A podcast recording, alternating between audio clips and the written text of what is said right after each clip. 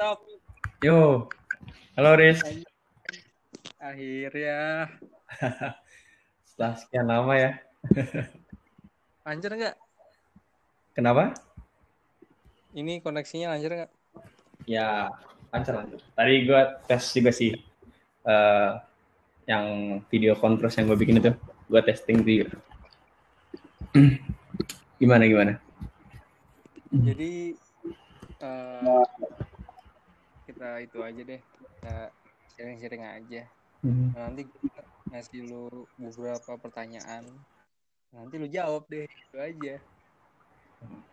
Tapi Nah, jangan susah ini- ya. Anjir, tidak apa emang. Jadi kan ini sambil sambil Hmm. di record juga nih. Jadi pas lu masuk ke room ini, ini udah nge-record nih. Jadi nanti Hmm. gua apa pas uploadnya juga full aja gitu. Oh. Boleh, boleh. Langsung aja kali ya.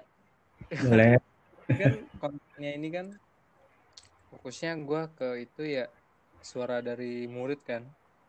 Hmm. Jadi eh, maksud gue tuh konten ini buat ngungkapin keresahan kita sebagai murid, tapi lebih spesifiknya murid SMK yang berjurusan TKJ gitu. Mhm. Karena kan sesuai dengan motonya TKJ, eh TKJ motonya SMK itu kan siap kerja sama siap berwirausaha tuh. Iya. Kalau kata guru-guru kayak gitu. Nah, Hmm. ternyata kan di kenyataannya kan banyak sekolah mungkin nggak nggak cuma sekolah satu atau dua atau pasti pasti banyak sekolah yang eh, kayak masih belum gimana ya dibilang jelas jelas tapi pas apa di lapangannya tuh kayak bingung sendiri gitu sekolah mau ajarin murid dari mana gitu Hmm. langsung aja pertanyaan ya kurang lebih kayak gitu lah Eh, ini lu masuk SMK kapan dit tahun berapa dit Gue SMK di 2013 ya. Gue masuk 2013 eh di salah satu sekolah swasta di Cikarang. Jadi kita nggak boleh ini ya di sini nggak boleh apa nggak boleh nyebut merek Oke, it's okay. Makanya tadi gue bilang salah satu sekolah swasta di Cikarang. mantap karena takutnya eh, kalau misalnya kita ngurus undang-undang nanti disangkanya kita Hmm. malah apa markan oke jurusan apa dit gue masuk eh, awalnya sih pengen ini ya, pengen eh, rek- RPL ya. Cuman karena nggak ada jurusannya, jadi ya mau nggak mau gue ambil jurusan TKJ. RPL itu Iya, tadinya awalnya Iya, tadinya gue pengen RPL, cuman eh, katanya nggak ada, belum buka gitu. Yaudah, akhirnya gue masuk TKJ, gitu. alasan lu kenapa masuk TKJ karena kan Hmm. nah, setiap murid kan banyak alasan nih Mhm. kayak mungkin dia dulu apa pernah sering main komputer main ke warnet terus juga Hmm. Uh, disuruh apa disuruh orang tuanya karena orang tuanya ngelihat kalau misalnya anaknya sering apa namanya main komputer lah gitu Mhm. nah kalau lu ini alasannya kayak gimana nih kenapa Kalau gua SM, eh, masuk TKJ ya karena ya semua orang pasti masuk pada mas, pada saat masuk TKJ pasti penasaran dan pengen tahu apa sih itu eh, teknik komputer jaringan dan eh, IT gitu. Nah, gue pikir kalau RPL dulu pikirnya adalah softwarenya. Basically secara fokus adalah softwarenya saja. Terus gue mikir TKJ itu kan lagi di komputer jaringan, berarti komputer dan jaringan, berarti secara general dipelajari. Ya gua dari dari SMP sih sudah memang udah coba-coba eh, komputer ya dalam arti gue coba-coba install ulang walaupun berkali-kali gagal eh ya pengennya pada saat itu cuman pengen tahu aja sih ya itu secara secara fundamental semua orang pengen tahu dan kalau udah pengen tahu pasti ngulik-ngulik terus sih makanya dari situ gue mulai ngulik-ngulik terus soal IT Oh, berarti berarti uh, lu emang uh, udah maksudnya udah lama gitu ya mengenal kompu mengenal komputer ya? Eh, gue mau kenal komputer, gue inget banget, gue pertama kali punya komputer tuh waktu S, eh, sunat ya, waktu SD tuh. Gue gila. gue sunat itu mintanya komputer. waktu itu masih Pentium 3, gue per, eh, gue rusakin, gue setiap bulan tuh gue rusakin komputer gue.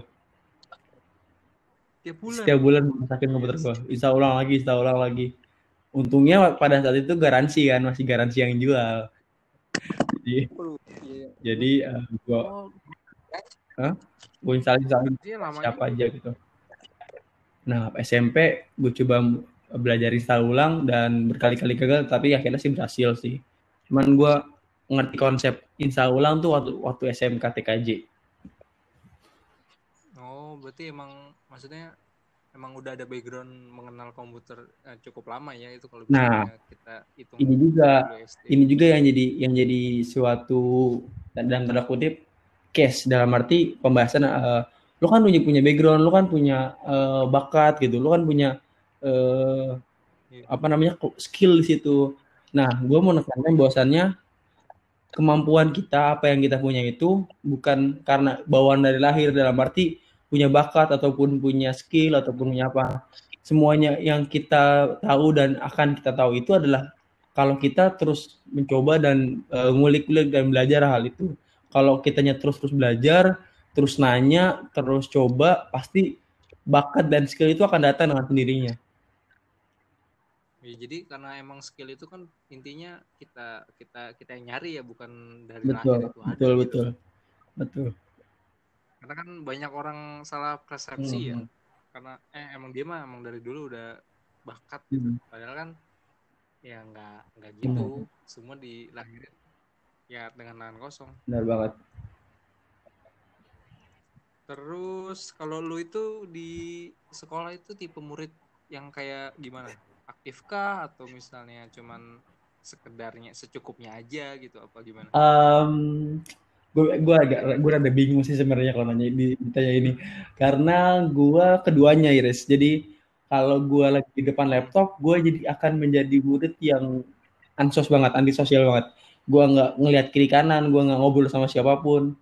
Eh, dan eh, pasti gue kalau gue main laptop tuh berjam-jam gitu di di di sekolah ya setelah itu ketika gue nggak main laptop gue akan eh, banyak ngobrol banyak banyak ngobrol banyak eh, apa pun ngobrol gue gua gue bisa eh, mengimbangi itu. Eh, bahkan eh, dok guru ataupun kepala sekolah pun gue sering sering ngobrol tentang hal apa pun itu. Gitu. Jadi ya itu keduanya sih kalau menurut gue gue antisosial juga sometimes gue aktif juga di sekolah gitu Riz Berarti ya emang rata-rata banyak sih ya kayak Mhm. gitu ya. Maksudnya sesuai apa keadaan mungkin ya bahasanya atau atau emang gimana yang jelasin ya? Ya intinya kayak gitu Mhm. aja. Ada saatnya buat apa? Sendiri Mhm. gitu mungkin ada saatnya emang gitu. Iya, benar. Eh iya, kalau gue di gue dilihatnya sama guru tuh ini suka kritis gitu maksudnya. Gue gue akan speak up ke sama guru gue. Kalau gue rasa itu keliru. Even itu guru gue. Ya emang. Mantap. Lanjutkan. Kalau gue sih tipe kalau kalau sekarang ya, mungkin kalau dulu ya kayak lebih kayak kalau misalnya ngerasa ada yang kurang atau nggak enak langsung dibilangin, tapi semenjak eh, apa namanya berlarut berlarut berlarut-larut atau gimana, rasanya ya udahlah males aja gitu karena udah tahu nih kalau misalnya kita mengkritik kadang kadang tuh guru tuh guru kita sendiri tuh kadang nggak mau dikritik Benar benar benar. entah kritiknya baik atau Terus kalau kalau lu ngelihat guru itu salah ngajarinnya gimana? iya eh, awalnya pasti itu kan pasti ya sama sama lah Kak. kita maksudnya kalau misalnya dia salah ya pertama nanya gitu pak ini eh, apa namanya kok kayak gini gitu? Apa emang begini? Apa begini menurut saya lo menurut saya tuh ini salah lo misalnya gitu.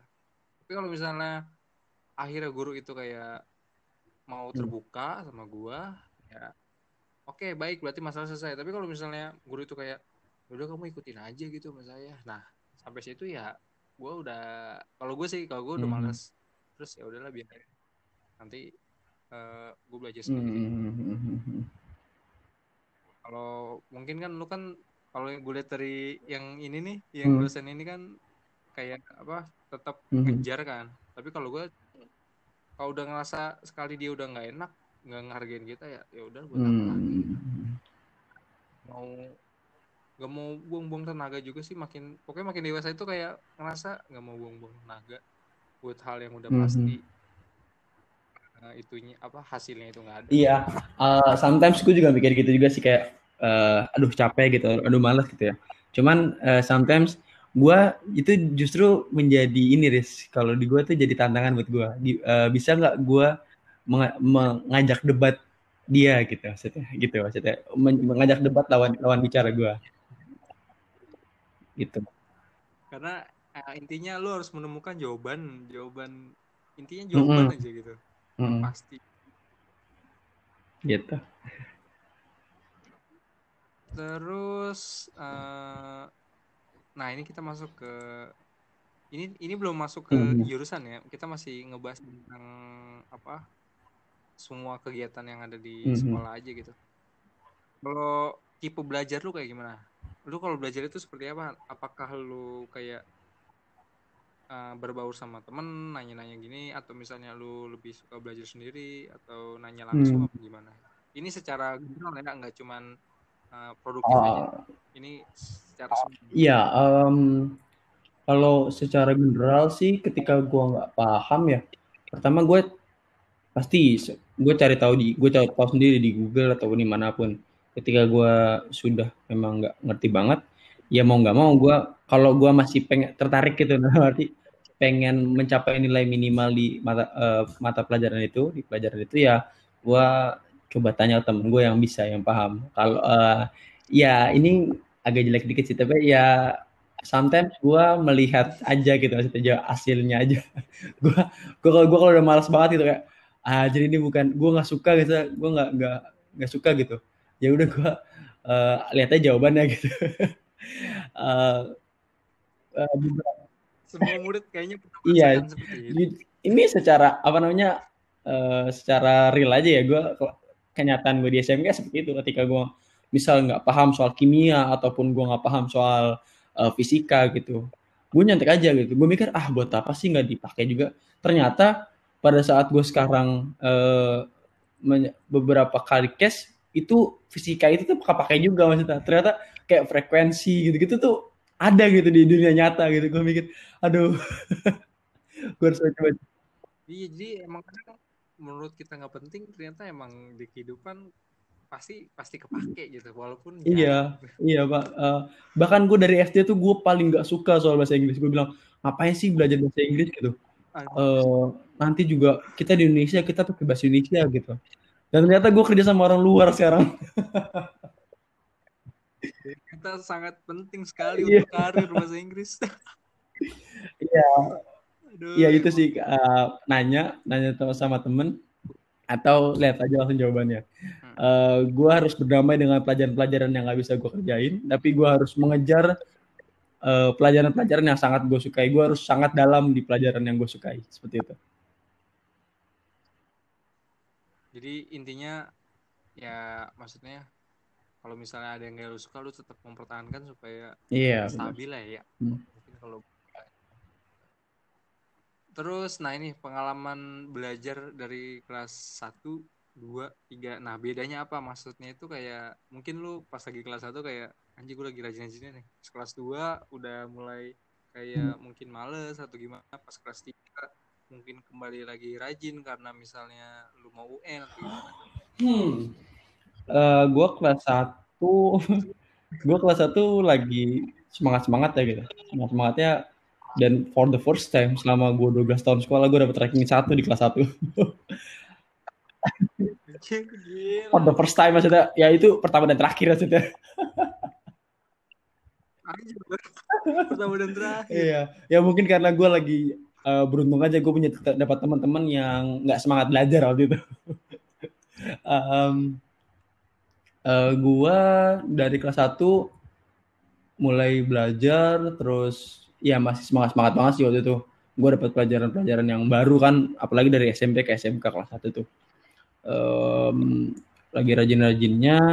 Kelas 2 gue sudah mulai kebanyakan fokus di organisasi karena gue pikir ah, Iya kelas 2 Kelas Kelas 2 tuh udah mulai fokus buat organisasi. Gue berangkat jam 6 pagi, pulang jam 8 malam, jam 10 malam. Um, organisasi itu iya osis. ya? Waktu itu gue ambilnya osis. Kelas 2 Cuman osis aja. Um, sama pramuka sih di luar waktu itu. Jadi gue ambil pramuka di luar juga jadi kayak uh, pengurus di kecamatan gitu pramukanya. Uh, hmm? Emang pramuka cukup emang pada masa itu pramuka emang itu ya apa gede ya masih masih banyak hmm. anak muda yang minat hmm. hmm.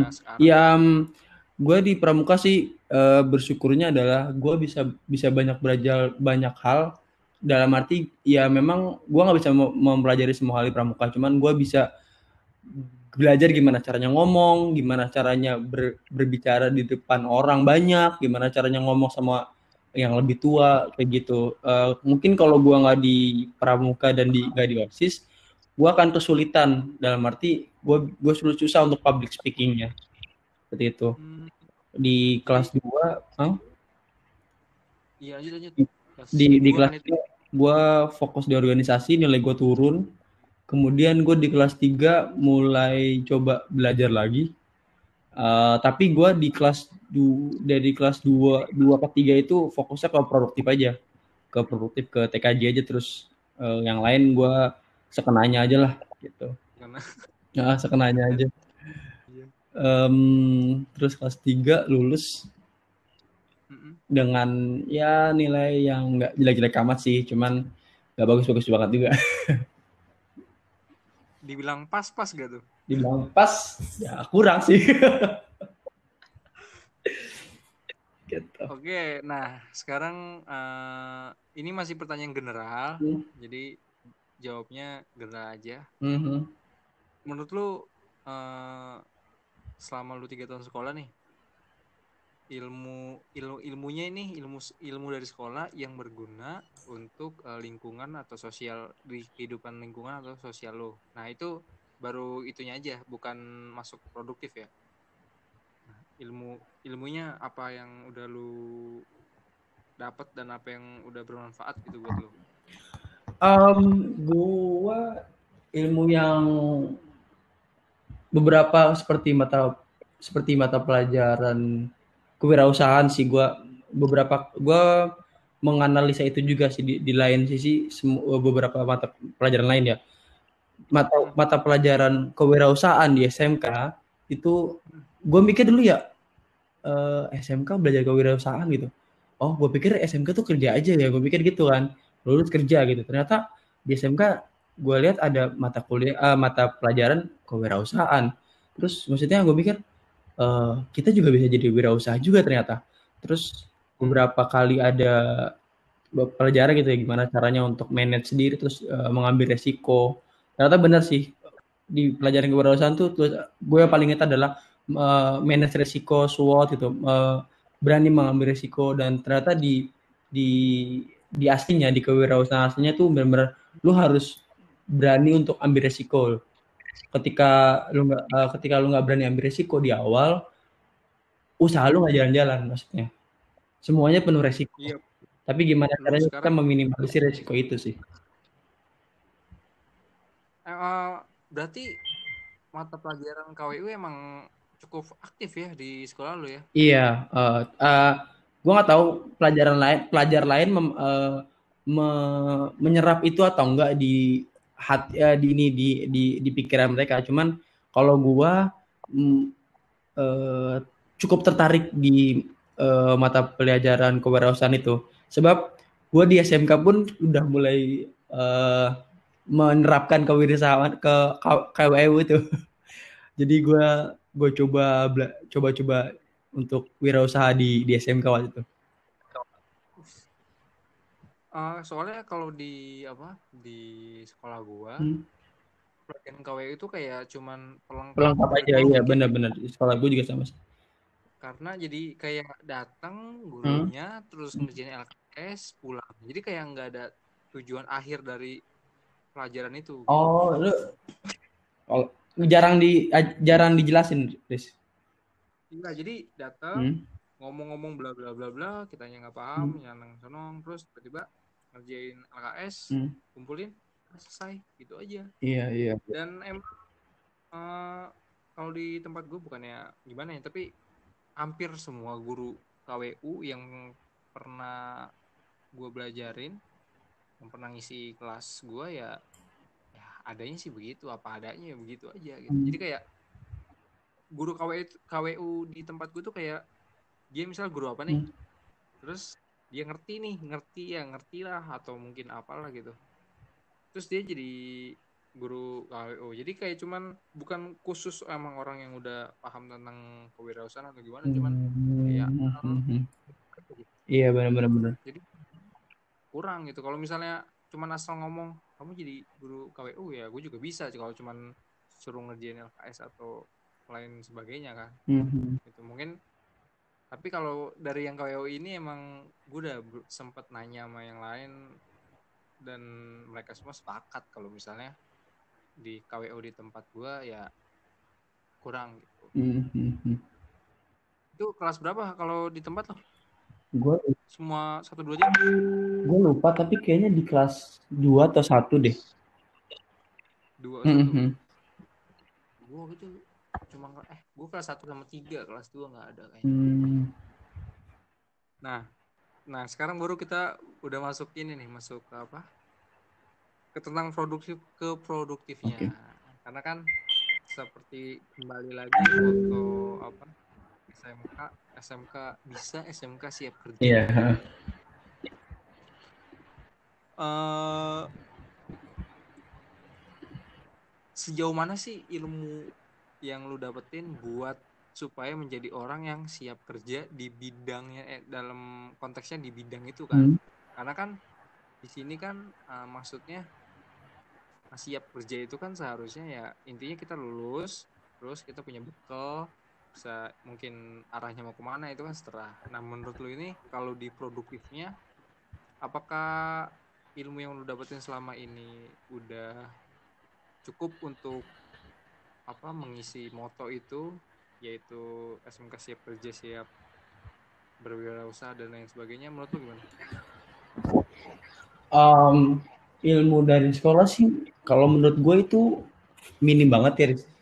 Uh, Minim. iya minim banget Ta- beberapa case itu memang ya memang semuanya enggak basically ba- basic sih emang basically banget gitu ya gue bilang banget dalam arti di dalam dunia IT dan dunia kerja dalam bina usaha di TKJ khususnya itu lulusan SMK ketika lulus di sekolah gue ya gue gak gue general di sekolah lain. Di sekolah gue itu sangat minim sekali. Eh, harus ada eh, kemauan dari siswanya untuk melakukan coba-coba ulik lagi oprek-oprek lagi tentang eh, TKJ yang di luar dari sekolah di pelajaran sekolah. Ya gua, karena gue lihat ya beberapa sekolah tuh, tuh ujian kompetensi tuh kayak cuman eh sa- sampai sampai ke Debian server sampai mana. Nah kan gue nggak ada nggak ada eh, sampai sana pada satu ujian uko- ujian kompetensi. Gue inget banget waktu pas- Tapi mana? gue nggak sampai server gue cuma sampai ngerouting gitu doang ngerouting nat gitu doang. Sama akses- setting access point ya itu kan basic banget maksudnya kalau kalau lu kalau kitanya nggak coba-coba lagi ya udah sampai sana sampai selesai nyeting itu udah kelar lupa abis itu kan Ah, betul, betul. sekali. nah eh, dari kitanya sih kalau dari kitanya harus dari setiap siswanya harus coba coba-coba lagi oprek-oprek lagi gitu karena eh, semuanya semuanya akan akan akan gampang kalau misalnya kita penasaran dulu sih gitu jadi setiap apa yang guru jelasin coba oprek lagi tanya lagi di grup di forum kayak gitu gue sering banget dapat pertanyaan-pertanyaan dari anak SMK yang pengen tahu pengen bisa gitu ya jadi udah gue gue jawab jawabin di beberapa forum gitu Nah, berarti emang eh, beberapa ini gue nggak nyebut sekolah lo atau nyebut Hmm. sekolah gue ya. Jadi dari yang sering gue ngobrolin ya beberapa sekolah emang ada yang menerapkan eh, kurikulum sesuai dengan eh, apa tujuannya itu Hmm. kerja dan mungkin ada beberapa sekolah yang uh, mungkin ada ada kurikulumnya ada gitu tapi penyampaian dari seorang gurunya atau gimana itu yang ngebuat kurikulum itu akhirnya nggak berhasil buat si anak itu misalnya siap kerja kan gitu Hmm. salah satunya sekolah lu dan sekolah gue juga tuh. Terus uh, lu kalau misalnya kerja sesuai bidang lu itu TKJ gitu itu pas kapan? Pas sudah mulai masuk itu kerjanya kapan? Eh, dari mulai TKJ itu gue gue lulus di 2016 di 2016 sih gua- di 2016 juga gue dapat eh, kerja IT support waktu itu di salah satu perusahaan di Bekasi ya. Eh, bagaimana kalau nih di Ntar bilang dulu pertanyaan selanjutnya gini Eh, bagaimana pengalaman lu sebagai anak SMK apakah udah cukup ilmu yang lu dapetin ini dalam konteks Hmm. produktif yang udah yang bisa bikin lu itu eh, apa namanya bisa kerja sebagai IT support apakah ilmunya cukup apa kurang atau bagaimana? Kalau di kalau gue sih eh, merasa kurang ya ketika lulus SMK tuh. Jadi gue tetap eh, belajar, maksudnya tetap ngulik-ngulik lagi, guling lagi, tanya-tanya forum lagi soal produktif gue TKJ karena memang basic banget yang gue dapat di SMK di SMK gue Eh, tapi gue senang beberapa waktu yang lalu ada salah satu sekolah di Jawa Timur yang luar biasa banget keren banget. Maksudnya dia bisa sampai eh, MTCNA di kelas 2 di sorry di kelas 1 MTCRE di kelas 2 itu eh, menurut gua keren banget sih. Maksudnya sudah sampai segitunya. Maksudnya perkembangan eh, TKJ di SMK cuman tidak bisa digeneralisir dalam arti seluruh SMK di Indonesia.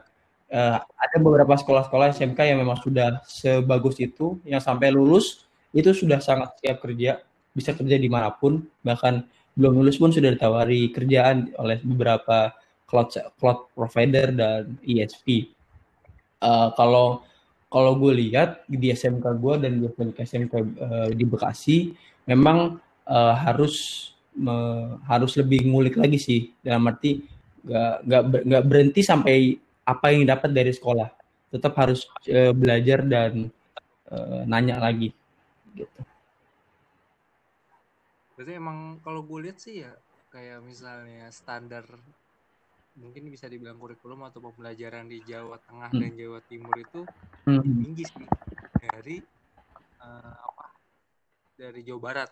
Ini kalau sepengetahuan gue aja sih. Karena kan gue sempet pernah tuh ikut beberapa kali pelatihan pelatihan guru gitu kan. Dan ketemu banyak apa ketemu banyak guru dan sharing ya pasti gitu. Bahkan pas eh, lu ngomong kayak dia kelas 1 di sono udah MTCNA ya sangat sangat Hmm. kejut.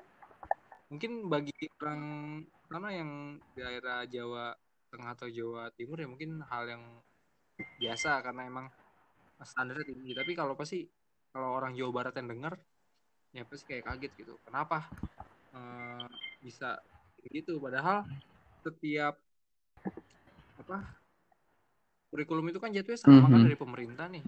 Pemerintah kan ini begini kayak gini tapi kenapa ujungnya hasilnya beda gitu?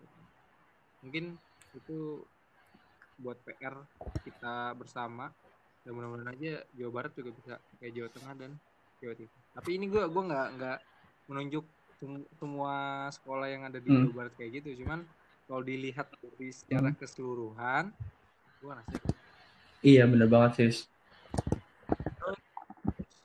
apa ya Ah, berarti udah masuk ke sini nih bagaimana jadi gue minta pendapat lu bagaimana lu bisa kerja di Hmm. bidang IT support gitu padahal lu cuman Mhm. lulusan SMK gitu apalagi yang lu bilang dan lu itu eh, ilmu yang lu dapetin dari sekolah itu dibilang cukup Mhm. minim gitu Em, gua gua untuk cari kerja di IT support itu dilakukan dengan secara online sih. Ada beberapa orang yang memang cari kerja kan di IT support, terus mencarinya IT support gitu ya. Terus carinya via pos ataupun uh, via cari-cari orang dalam di daerah di situ-situ aja. Ya. Kalau gue gue melakukan apply job di mana pun maksudnya gue di mana pun ada gue apply ya kita gue nggak ngeliat job desknya apa gue nggak ngeliat apa pun itu. Yang penting ada tulisan judulnya IT support gue apply. Di job di email gitu gue kirim. Dan gue uh, selama IT support gue selalu kirim email selalu job street gue nggak bikin tulis tangan gitu di lamaran nggak dibuat kirim post gitu maksudnya. Gue selalu via job street sih. Hmm. dan ketika ada rekrutmen misalnya D3 uh, S1 ya gue tau diri aja gue pilih yang SMK SMK seperti itu. Ketika ada SMK gue apply uh, beberapa kali interview terus pada saat salah satu perusahaan di Bekasi gue diterima dengan ya gue nggak gue nggak gue nggak nego gaji pada saat itu. Ya gue yang penting kerja aja. Yang penting kerja dengan hobi gue dengan jurusan gue ya ya udah gue kerja dengan dengan mencoba untuk senang gitu. Senang yang penting gue senang aja kerjanya. Ya karena rasanya kalau misalnya kerja sesuai hobi tuh kayak gimana sih orang pengen kerja hobi yang dibayar kan gitu kan. Nggak nggak nggak dibayar pun ada dilakuin nah, ya kan dilakuin ya nah menurut lu uh, gimana sih supaya lu tuh kan kita hmm. semua ini jurusan SMK nih bisa bersaing sama orang-orang yang istilahnya D3 lah atau S1 yang secara secara gelar ya hmm. istilahnya lebih tinggi gitu. Nah, bagaimana menurut lu kita itu sebagai anak SMK bisa bersaing okay. sama mereka gitu? Um, yang sebenarnya dua hal yang yang yang perlu disiapin sih di dalam diri kita masing-masing. Yang ya gue ngingetin aja bahwasanya kita perlu soft hmm. skill dan perlu hard skill juga. Dalam arti kita perlu tahu banyak hal tentang IT dalam arti kita bisa setting uh, jaringan, kita bisa setting server, kita bisa setting Docker, kita bisa setting uh, apa yang perusahaan mau di IT support khususnya. Dalam arti kita nggak mengecewakan perusahaan ketika kita diminta untuk mengerjakan dalam dalam dalam dalam konteks job job desk adalah IT support. Kedua, soft skill juga perlu dalam arti kita nggak cuma diem dalam arti kita cuma ngoprek diem aja nggak nggak bisa ngomong. Nah hal yang pertama dilakukan adalah uh, interview kan. Gimana caranya kita meyakinkan perusahaan? Gimana caranya kita ngomong di depan HRD gimana cara kita ngomong di depan manajer IT nah kita perlu belajar gimana caranya kita ngomong tanpa gugup. Gimana cara kita meyakinkan orang itu bahwasannya kita bisa. Gitu. Kalau kelihatannya kita nggak bisa ya dianggap gak bisa. Padahal kita bisa gitu loh. Jadi kita harus per perlu belajar meyakinkan orang lain untuk bahwasannya kita tuh bisa untuk kerja kita bisa untuk nyeting jaringan pak. Kita bisa nyeting server kita bisa setting ini gitu. Nah di ditunjukkan dengan kemampuan kita sebenarnya nggak cuma ngomong doang pastinya gitu banyak kok beberapa beberapa tutorial gimana caranya uh, interview di depan HRD gimana caranya uh, menjelaskan hal, beberapa hal gitu, hal-hal lain. Berarti emang uh, menurut lu soft skill dan hard skillnya emang harus Benar, seimbang ya, harus balance ya. Kalau misalnya ingin bersaing sama yang hmm. di atas kita. Karena uh, karena kan mungkin teman-teman yang lain tuh kayak ngerasa kalau misalnya dia mau meng, apa ngeplay lamaran pasti kan nanti biasanya ada minimum mm-hmm. rekrutmen kan pendidikannya D3 padahal mungkin job desk-nya itu bisa dilakukan mm-hmm. oleh anak SMK mm-hmm. gitu ya tercover lah tapi uh, minimum apanya minimum pendidikannya D3 nah kalau menurut lu kayak gitu tetap kita maju? Ah uh, iya kalau lu apply di job site kan itu nggak bayar ya. Kalau secara online ya lu apply aja maksudnya. Kalau pas ditanya atau di kalau untung-untungannya misal nih nggak ada yang cocok sama rekrutmen dia di perusahaan dia terus kita yang cocok ya nanti kalau nanti panggil-panggil juga maksudnya. Coba apply aja maksudnya kalau beberapa HRD sih bilang gue beberapa lihat vlog ya misalnya lihat rekrutmennya kalau rekrutmen minimalnya adalah D3 S1 yang SMK nggak usah apply gitu. Ya kalau gue sih ya play-play aja sih. Kalau misalnya gue tertarik dengan hal itu ya walaupun kemungkinan besarnya ditolak maksudnya. Gitu. Apalagi kalau kalau rekrutmen itu sih bisa saja hilang ya kalau ada satu hal yaitu orang dalam coba dulu aja yang penting coba aja dulu ya nah uh, eh, gue nanya nih kan lu kan sekarang uh, mm -hmm. di cloud engineer kan Nah itu waktu itu kan pasti kan ada hmm. minimum rekrutmen kan. Dia itu lapin. Kalau di cloud engineer perusahaan gua nggak uh, menerapkan minimal pendidikan sih karena uh, perusahaannya itu uh, pusatnya di Jepang ya. Jadi beberapa orang Jepang juga tidak tidak memfokuskan pendidikan tapi dia yang penting skill yang penting bisa kerja sih. Kalau di perusahaan gua iya kalau di perusahaan gua. cuman beberapa memang memang jujur saja eh, perusahaan-perusahaan di Indonesia banyak banget yang masih melihat gelar untuk uh, kerjanya. Gitu. Makanya udahlah gak usah gak usah gak usah kerja usaha aja anjir. Ngambil yang cepat tapi ya usaha juga sulit juga kan. Ya sulit belum tentu nggak bisa Riz. Iya. Sulit bukan tidak bisa.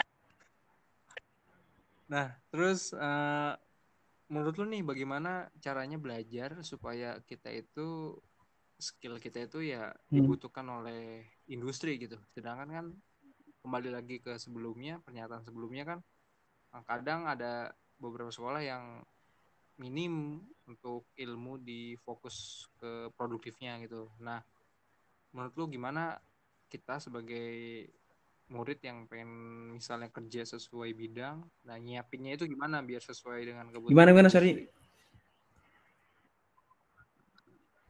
Uh, singkat aja, jadi kan hmm. kita kan anak SMK nih.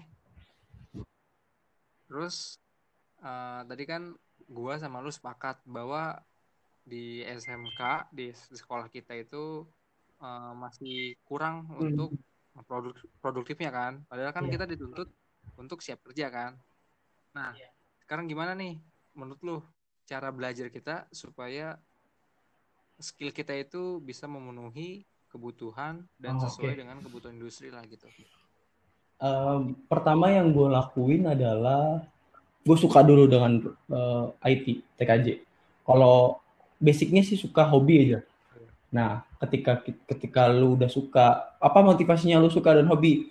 Gue mikir dulu gini, kayaknya keren kalau misalnya gue bisa jadi IT yang bisa kerja sama bule gitu, sama orang luar gitu. Dan berarti gue bisa ngendalin komputer gede, bisa kayak kayaknya gue ngeliat film-film di di Hollywood tuh keren-keren banget gitu maksudnya. Iya, tuh. Iya aja. Iya, rasanya keren banget gitu. Terus gue mikir ya gue gue bisa bisa mereka bisa gitu. Mereka bisa kenapa kenapa gue nggak bisa gitu? Makanya gue akan coba terus seperti itu. Gue akan belajar tentang hal apa pun. Gue step by step gue pokoknya hal apa pun yang berbau dengan IT gue pengen belajar gitu maksudnya. Uh, sering banget gagal sering banget. Maksudnya gue sering banget salah sering banget error sering banget hancur gitu berantakan gitu. Dalam arti gue pengen banget belajar web uh, ngoding aja itu gue dari kelas dari SMK gue pengen banget belajar ngoding. Cuman dari lu bayangin udah lu bayangin dari 2016 sekarang sampai 2020 ya empat tahun gitu. Gue dari empat tahun itu gue coba gue berkali-kali gue coba berkali ber puluhan kali gue coba dan itu gagal terus tapi ketika gagal ya udah kita gagal cukup beberapa waktu aja. Habis itu kita coba lagi coba lagi coba lagi gitu. Gue inget banget yang gue salah satu penemu. Gue kalau nggak salah Albert Einstein bilang uh, dia menemukan sesuatu itu ketika seribu kali gagal. Coba kalau misalnya di 99 di 999 kalinya dia nyerah gitu. Dia nggak bakal menemukan hal itu gitu. Terus iya dia coba terus coba terus ketika udah suka ya nanti pasti ada jalannya. Sekarang nggak perlu mikirin uh, apa yang ah gue nggak belajar ini nggak dapat uang. Ah gue belajar ini nanti uh, nanti kerjanya juga paling gini-gini aja. Enggak kalau udah coba udah bisa nanti pasti ada jalan sih. Gitu. Intinya kita iya coba aja dulu. Uh. dan suka suka. Kadit suka dan hmm. nyoba? Karena kan anak sekarang kan maklum lah ya apa generasi milenial itu kan terkenal hmm. mageran. Jadi emang harus kita harus suka dulu. Karena biasanya kalau awalnya suka kita pasti bakalan mau itu gagal juga nyoba, -nyoba iya benar. Um, iya definisi uh, generasi muda yang gue gue bukan bukan uh, ini ya tahu banget soal generasi muda dari milenial tapi tapi uh, tipikal kita beberapa orang beberapa generasi muda saat ini yang milenial adalah ketika suka sama hal itu ya udah dia akan terus coba kayak misalnya nih contoh uh, orang-orang yang suka drakor akan terus nonton drakor akan terus uh, cari tahu gimana sampai install Telegram gue baru tahu dia install Telegram buat nonton drakor. Sampai sebegitunya iya itu iya kan? Sampai install oh kok gue kok adik gue install Telegram buat apaan? Iya tapi tapi di situ di situ di situ pelajaran adalah ketika anak-anak generasi anak-anak uh, generasi muda kita kita semua milenial pengen tahu itu dia akan mencoba terus ulik coba pengen tahu aja sampai dia sampai sampai dia tak sampai dia tahu gitu. Di situ sih yang penting fundamentalnya pengen tahu. Nah, sekarang gimana cara diarahkan pengen tahunya seperti apa gitu. Kita nggak harus, uh, eh, gue nggak bilang harus melulu soal IT. Anything, uh, semua orang bisa suka dalam bidangnya masing-masing. Kayak gue bilang, semua orang bisa ya. berkembang di, di di bidangnya masing-masing, di hobinya masing-masing. Yang penting satu, dia tekun dan coba terus. Dan gak, gak boleh, maksudnya terus terus ini uh, mencoba gitu. Dalam arti terus terus nggak nggak nggak nggak kendor semangatnya. Terus ngulik pengen tahu gitu. Uh, gua, siapa yang bilang gitu ya? budaya budayawan di, di salah satu uh, stasiun TV bilang uh, orang yang yang sangat ekstremis banget tuh bisa menghasilkan sesuatu gitu Steve Jobs Mark Mark terusnya Bill Gates orang-orang yang uh, yang sebegitu suksesnya pasti dia berjam-jam di depan komputer karena dia pengen tahu gitu. Desainer desainer nah, hebat pasti dia pengen tahu tentang hal itu dia coba terus gitu. Nah kayak misalnya kalau kalau ada yang bilang uh, yang mager-mageran gitu yang yang rebahan terus ya. Kalau misalnya mageran itu justru membuat sebuah karya misal bisa buat buku ataupun bisa buat uh, konten gitu. It, it's okay yang penting terus terus me, berkarya gitu maksud gue tentang hal apa pun.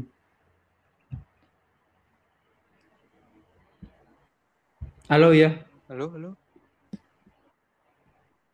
Ini sorry nih kadang kayaknya jaringan gue dah. Tadi lu ngomong tiba-tiba hilang, tiba-tiba terus putus Tapi, Tapi semoga sih aman sih di Anchor di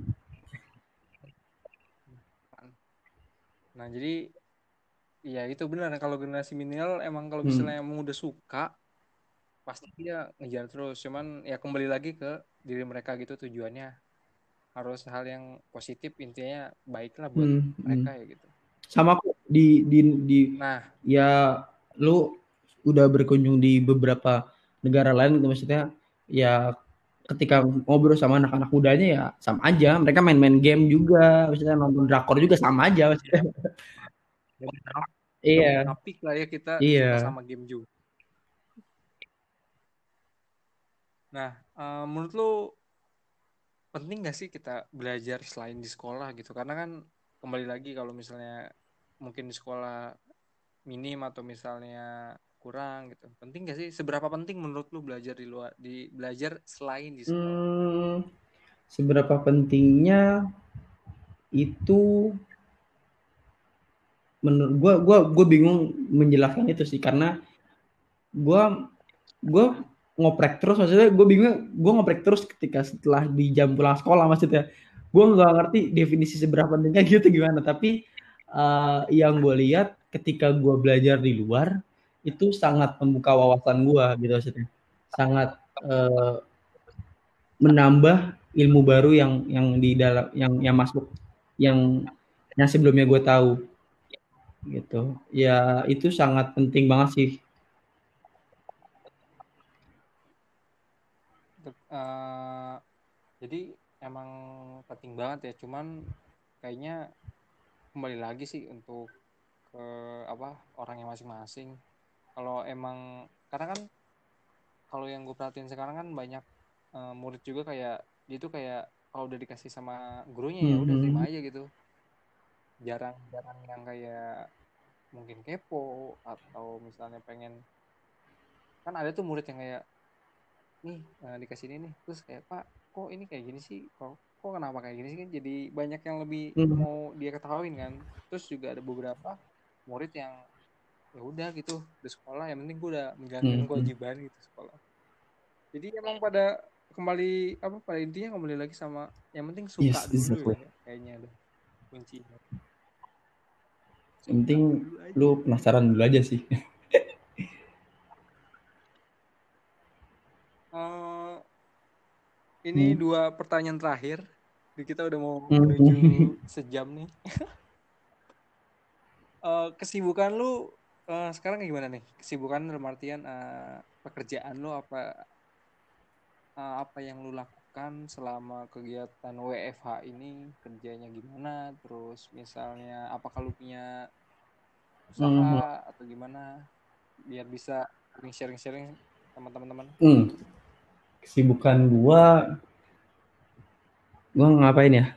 Gue bingung juga nih juga uh, gua sibuknya sahur gitu pagi terus ya kan? Iya kan um, gue sibuknya main laptop terus, Tris.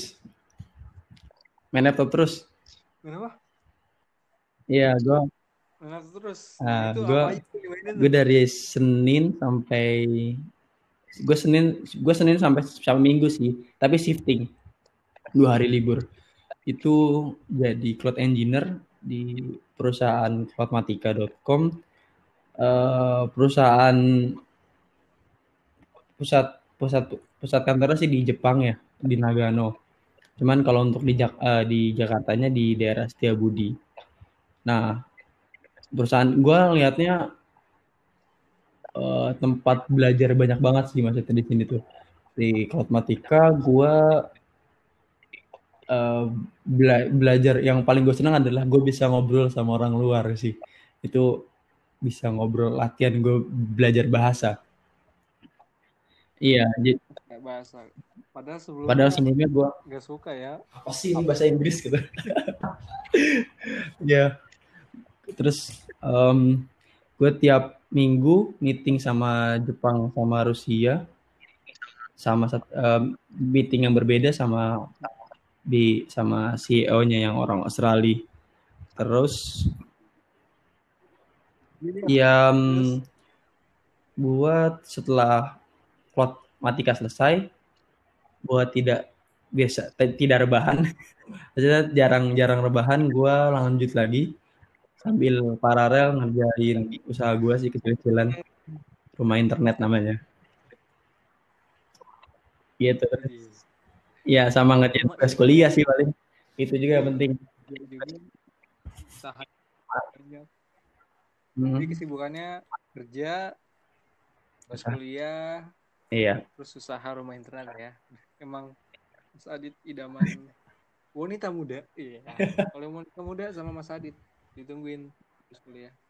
Amin. Ya, Mudah-mudahan. Insya Allah. Amin. Uh, terakhir minta tipsnya uh, dari Mas Adit karena banyak nih ternyata emang anak-anak yang mau hmm. masuk hmm. PKJ terus emang dasarnya dia mau hmm. nanti passionnya mau ke IT gitu. Nah, sarannya dari Mas Adit gimana? Karena kan yang kita ketahui kita belajar di sekolah juga kadang kurang, kadang juga kalau misalnya kita nanya sama guru, kadang ada guru yang ngasih mungkin ada guru yang Mhm. nggak ngasih karena mungkin sibuk juga gitu jadi karena supaya bisa kerja Iya. sesuai passion Em, pertama, ketika kalian mau masuk, ketika kalian mau masuk TKJ, coba fokuskan niat kalian eh, apa yang akan kalian mau ingin dapatkan di di SMK. Kalau kalian pengen kerja atau pengen usaha, pengen tahu soal tentang IT, coba mantapkan untuk tidak setengah-setengah dalam belajar IT. Dan yakin bahwasannya ketika masuk IT itu yang tadinya pikir enak, tinggal main laptop doang, itu enggak sama sekali. Di TKJ, di TKJ, di SMK TKJ itu eh, harus banyak coba dan banyak mengatasi error dan banyak penasaran. Kalau di SMK pasti banyak bingung ketika guru mengajarkan. Nah, ketika bingung itu adalah ujian kita. Mau nggak mau, kita harus tanya di tempat lain, di forum, di guru lain ataupun di mana pun yang bisa kita tanya. Ketika kita berhenti untuk bertanya, ketika kita eh, tidak penasaran lagi soal TKJ, itu adalah waktu di mana kalian untuk tidak eh, bisa nanti tidak menghasilkan hal yang maksimal di IT. Wajar kalau ketika belajar kita mendapatkan kesulitan, salah, dan capek pastinya. Itu adalah suatu tantangan dalam belajar. Tapi ketika ketika kita sudah ketika kita belajar dan mengerti, kalian baru akan mendapatkan manfaat dari ilmu itu. Bahwasan nanti setelah lulus gampang kuliah ataupun gampang usaha ataupun gampang kerja di mana pun. Dan kalian bisa kerja di tempat yang kalian sukai. Itu yang itu yang paling penting. Banyak orang yang gajinya besar banyak orang yang kerjanya dapat kerja tapi mereka nggak suka sama kerjaan itu. Nah sekarang gimana caranya kalian tetap untuk fokus pengen tahu dan pengen bisa coba terus dan jangan sampai nyerah. Kita series Hmm. cukup lah. Nanti Itu kebanyakan eh, nggak ngerti ini pusing maksudnya ya kita terus oprek-oprek Riz. Gue setiap hari ngoprek terus Riz walaupun ya kelihatan orang gue gue sering banget denger oh Adit udah enak ya enak." tapi tetap gue akan ngoprek terus sampai kapan sampai terus dan terus taunya Iya, nah, nah. aja kita nggak tahu pusing errornya kan kita nggak tahu Hmm. oke mungkin eh, segitu aja terima kasih banget nih udah nyempetin waktunya untuk dengerin podcast jadi walaupun podcast gue baru ya ada lah beberapa Hmm. yang apa denger gitu terakhir waktu ada dari teman di Hmm. daerah Jawa Tengah juga terus ada teman Hmm. Ini murid ya murid SMK dari apa dari Kalimantan juga. Mantap mantap, jadi mantap. alhamdulillah ada yang denger.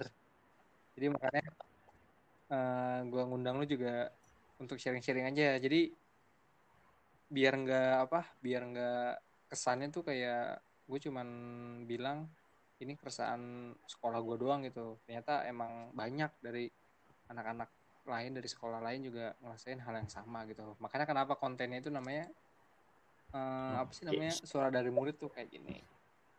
Ya semoga aja pandemi Amin. ini segera segera ber- berakhir. Nanti Supaya kita bisa- coba tes tes juga Riz yang video conference yang gue bikin itu ya. Oke. siap. Oh iya siap. Soalnya lu pengen ngejak eh, lu Hmm. Orlando sama Jendra buat podcast bareng tapi lebih enak boleh boleh. Eh, langsung. ya nantilah. Gampang diatur itu oh, siap. Ya mudah-mudahan aja Thank you, Batris. lu juga semangat terus udah udah ODP. udah isolasi gue dari 14 hari yang lalu. Udah dijauhin sama itu kan RT dan lingkungan.